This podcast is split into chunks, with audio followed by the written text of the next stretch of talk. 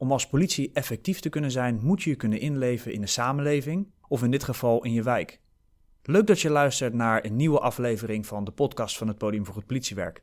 Mijn naam is Erik van der Zanden, naast me zit Sihem Matour en vandaag gaan we het hebben over de culturele wasstraat. En daarom is bij ons aangeschoven Mohamed El Arach. Mohamed, welkom. Leuk dat je er bent. Zou je willen beginnen met je voor te stellen? Nou, ik ben Mohamed El Arach, geboren en getogen in Marokko. Ik ben op leeftijd van 24 eh, naar Nederland gekomen met de intentie om een uh, technisch studie op de universiteit te volgen. Dat heb ik niet afgemaakt, maar er kwam een hele mooie iets op mijn pad. Dat is de politie. En ik werk hier in de eenheid Den Haag sinds twee jaar ongeveer. En ik ben belast met uh, het mooie onderwerp cultureel vakmanschap en verbinding.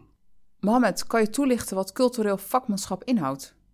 Nou, cultureel vakmanschap is een programma die wij in uh, District Centrum, dat is district A van eenheid Den Haag, hebben samengesteld met de intentie om zowel intern binnen de organisatie als extern het gedrag te beïnvloeden in een positieve zin.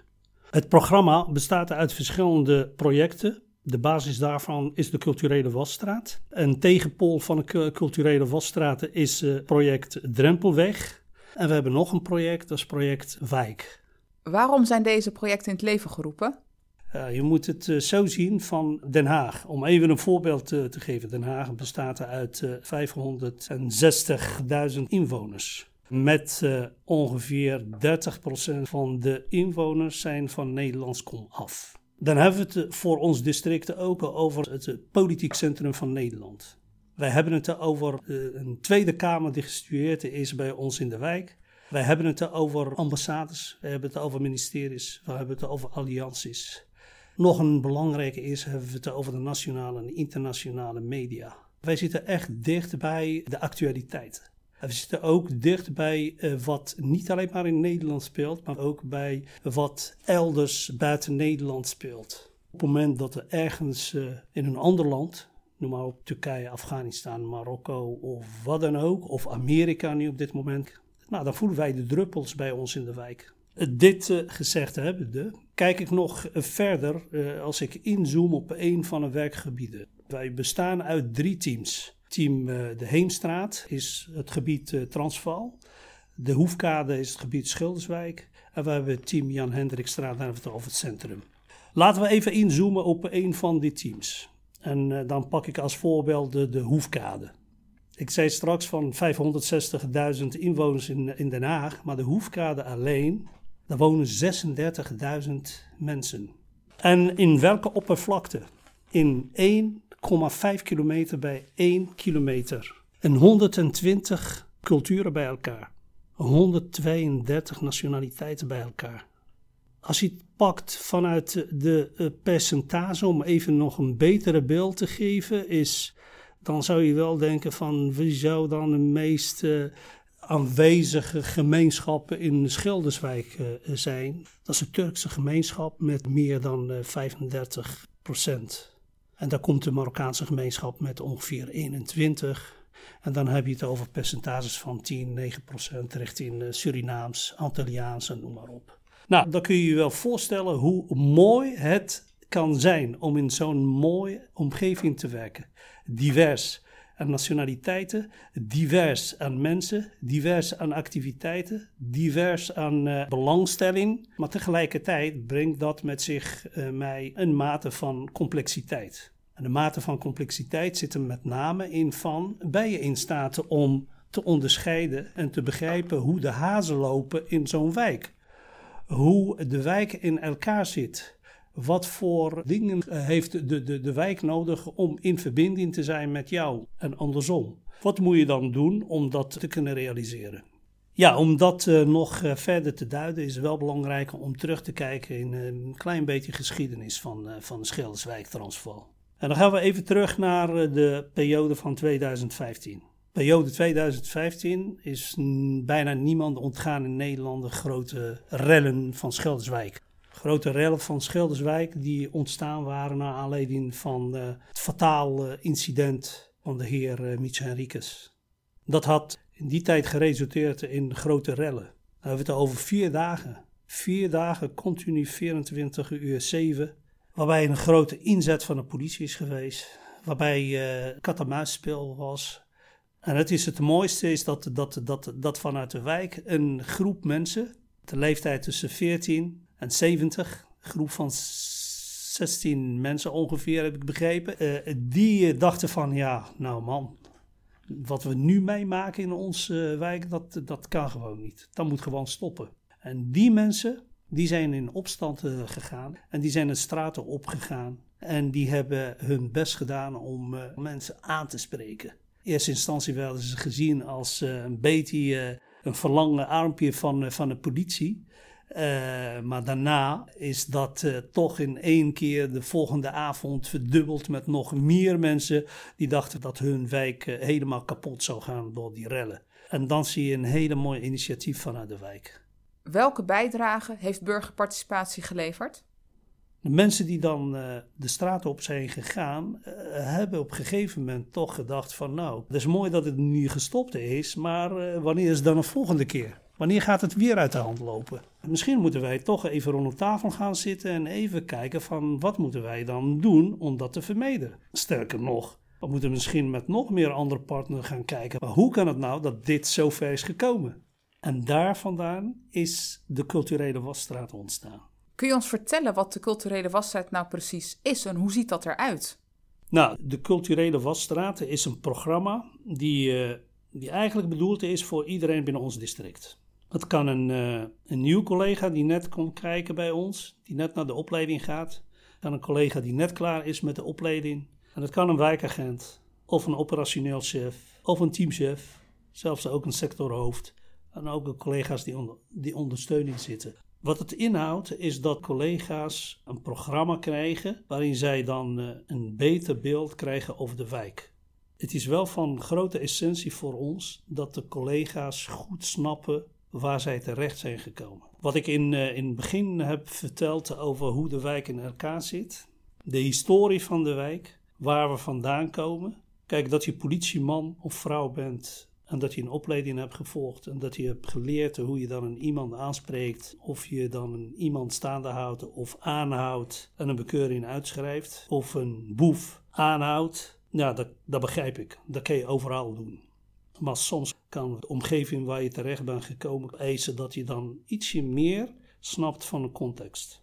Want de wijze waarop je dingen doet, heeft direct consequenties op de omgeving en de context. Wij hebben bijvoorbeeld in ons werkgebied hebben we een grote, een van, van de grootste uh, gemeenschappen is, is uh, Koerdisch, Turkse gemeenschap, daar heb ik ook begin aangegeven. Moet je je voorstellen dat er wanneer dan iets speelt in Turkije bijvoorbeeld, dat er de verkiezingen of een spanning of zo, dan moet je wel goed begrijpen dat dat direct invloed kan hebben bij ons in de wijk. En als je dat niet snapt, dan sta je bij een demonstratie of sta je bij een geschil, dan ga je meer vanuit de politiële kant benaderen. En dat moet je wel zeker doen, maar dan vergeet je wel de context. En als je de context vergeet, kan je dan, voordat je het weet, kan je wel wat de olie erop uh, gooien wat eigenlijk onwenselijk is.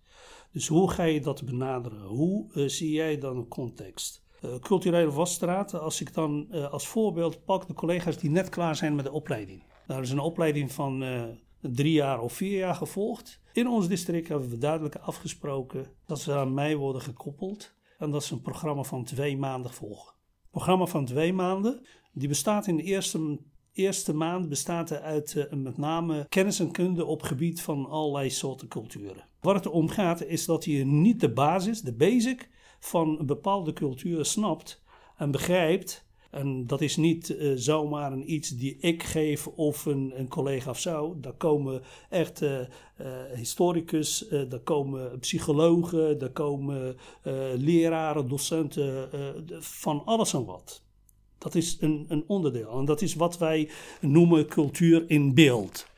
Vervolgens hebben wij een, een onderdeel dat de collega's de straten opgaan, maar dan gaan ze op bezoek, bijvoorbeeld bij een school. En dan gaan ze daar uh, naast de leraar staan, in de ochtend zonder uniform en de middag komen ze terug in uniform. En dan zie je dan hoe een leraar die jeugd aan hem bindt. En vervolgens denk ik van ja, dat, dat helpt ons ook om te kijken. Hoe kan het nou dat wij bij een pleintje aankomen waar dan twee of drie van die uh, jonge gasten staan en dat het soms toch een beetje uit de hand loopt. Wat we ook doen is dat zij op bezoek gaan naar verschillende instellingen. Ja, dat kan een welzijnsinstelling, uh, vrijwillige instelling, formele, informele organisaties, jongere werkers. Dan gaan ze gewoon meedraaien in het begeleiden van de jeugd, in het begeleiden van programma's. Het van dichtbij zien en in contact komen met de anderen in de wijk. Uh, wat ze ook doen, ze bezoeken bijvoorbeeld de religieuze instellingen. We hebben twee synagogen, we hebben drie grote Hindoestaanse tempels. We hebben meer dan uh, zeven actieve kerken in het district. Moskeeën, veel mensen weten dat niet. We hebben 35 moskeeën in ons klein werkgebied. Wat leren mensen er nou van als ze bijvoorbeeld naar zo'n religieuze instelling gaan? Dat je dan van dichtbij ziet van hoe het eruit ziet. Wat vragen ze van, stel voor dat je de melding hebt. Veel mensen denken van, oh, dat, moskee, wat moeten we doen? Schoenen, dit, dat. Je hoeft geen schoenen uit te zetten.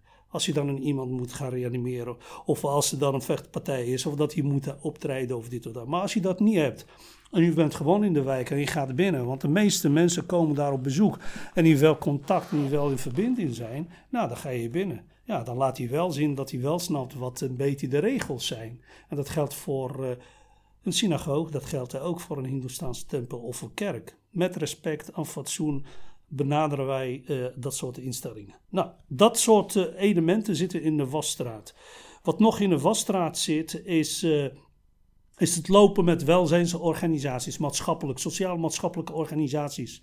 Zoals Legers Israëls, Kessler Stichting. De verschillende soorten organisaties, partners die wij hebben in, waarmee wij dan zaken doen, die helpen in de uh, in dit programma om de collega's een beter beeld te geven over uh, zowel hoe zij werken, dan uh, hoe zij naar de wijk kijken en hoe zij in contact zijn met de burgers. En op die manier krijgen de mensen nog meer beelden over de, over de omgeving. Vervolgens hebben wij een, de een, een van de mooiste elementen die ik zelf echt leuk vind, is het organiseren van een uh, storytellersavond.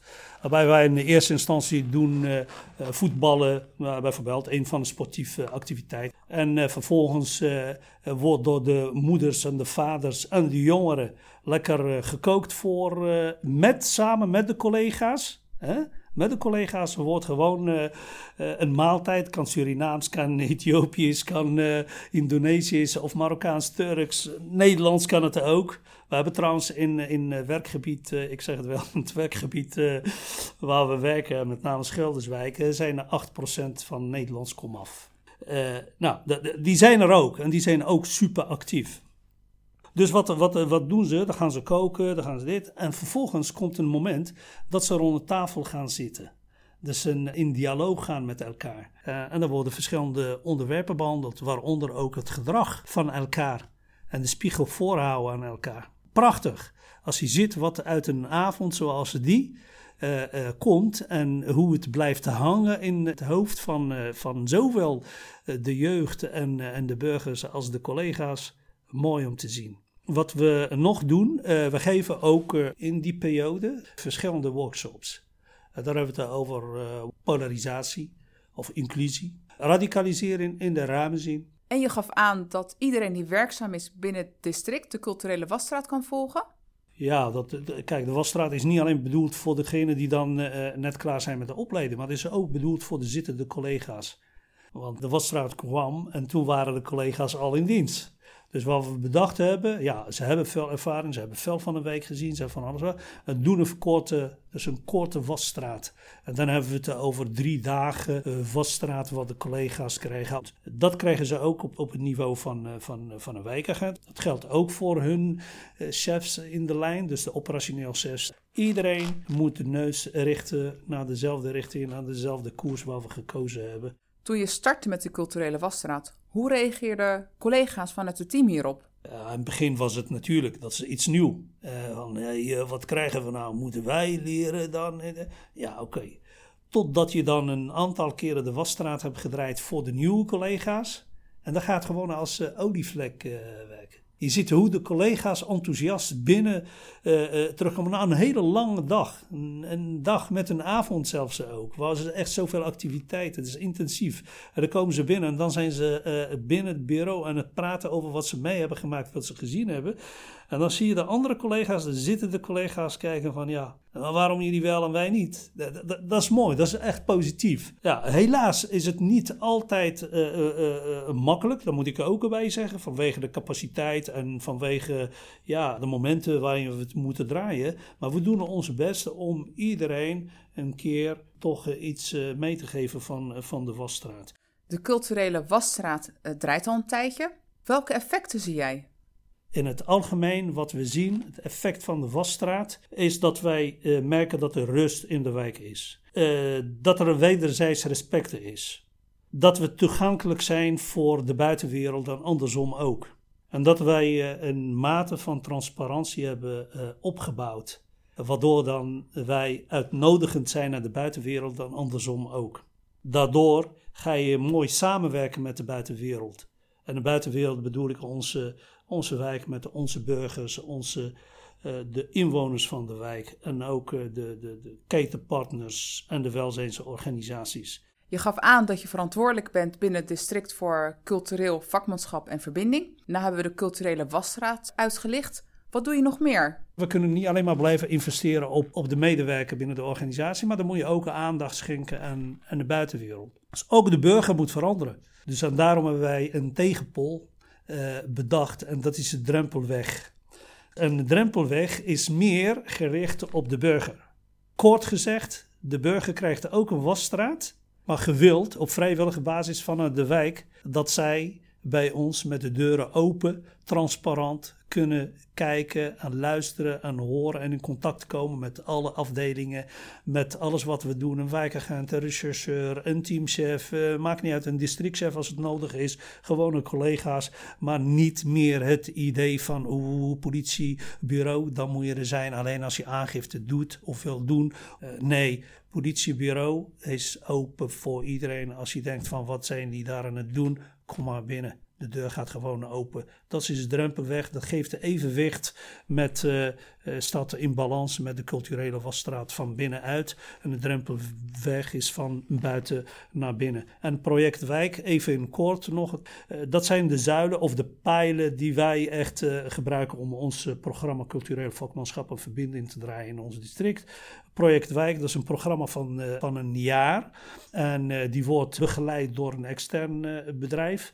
Waarbij wij van elke bureau tien, collega's hebben uh, gekozen. En vanuit de wijk, vanuit, vanuit, vanuit de welzijnsorganisaties of jongerenwerkers, 15 jongeren. En wat gebeurt er dan? Onder begeleiding van een, ja, van een, van een coach, externe coach, gaan wij dialogen aan gedurende een jaar zijn elf sessies waarbij wij elke keer bij elkaar komen, zoals ik straks zei in uh, Wasstraat, uh, storytellers verhalen. Maar dan zitten wij uh, bij elkaar om verschillende onderwerpen te bespreken. En dan moet je denken over het gedrag van de politie, gedrag van de jeugd, het etnisch profileren, zwarte pit discussie, noem maar op, verloedering van de wijk.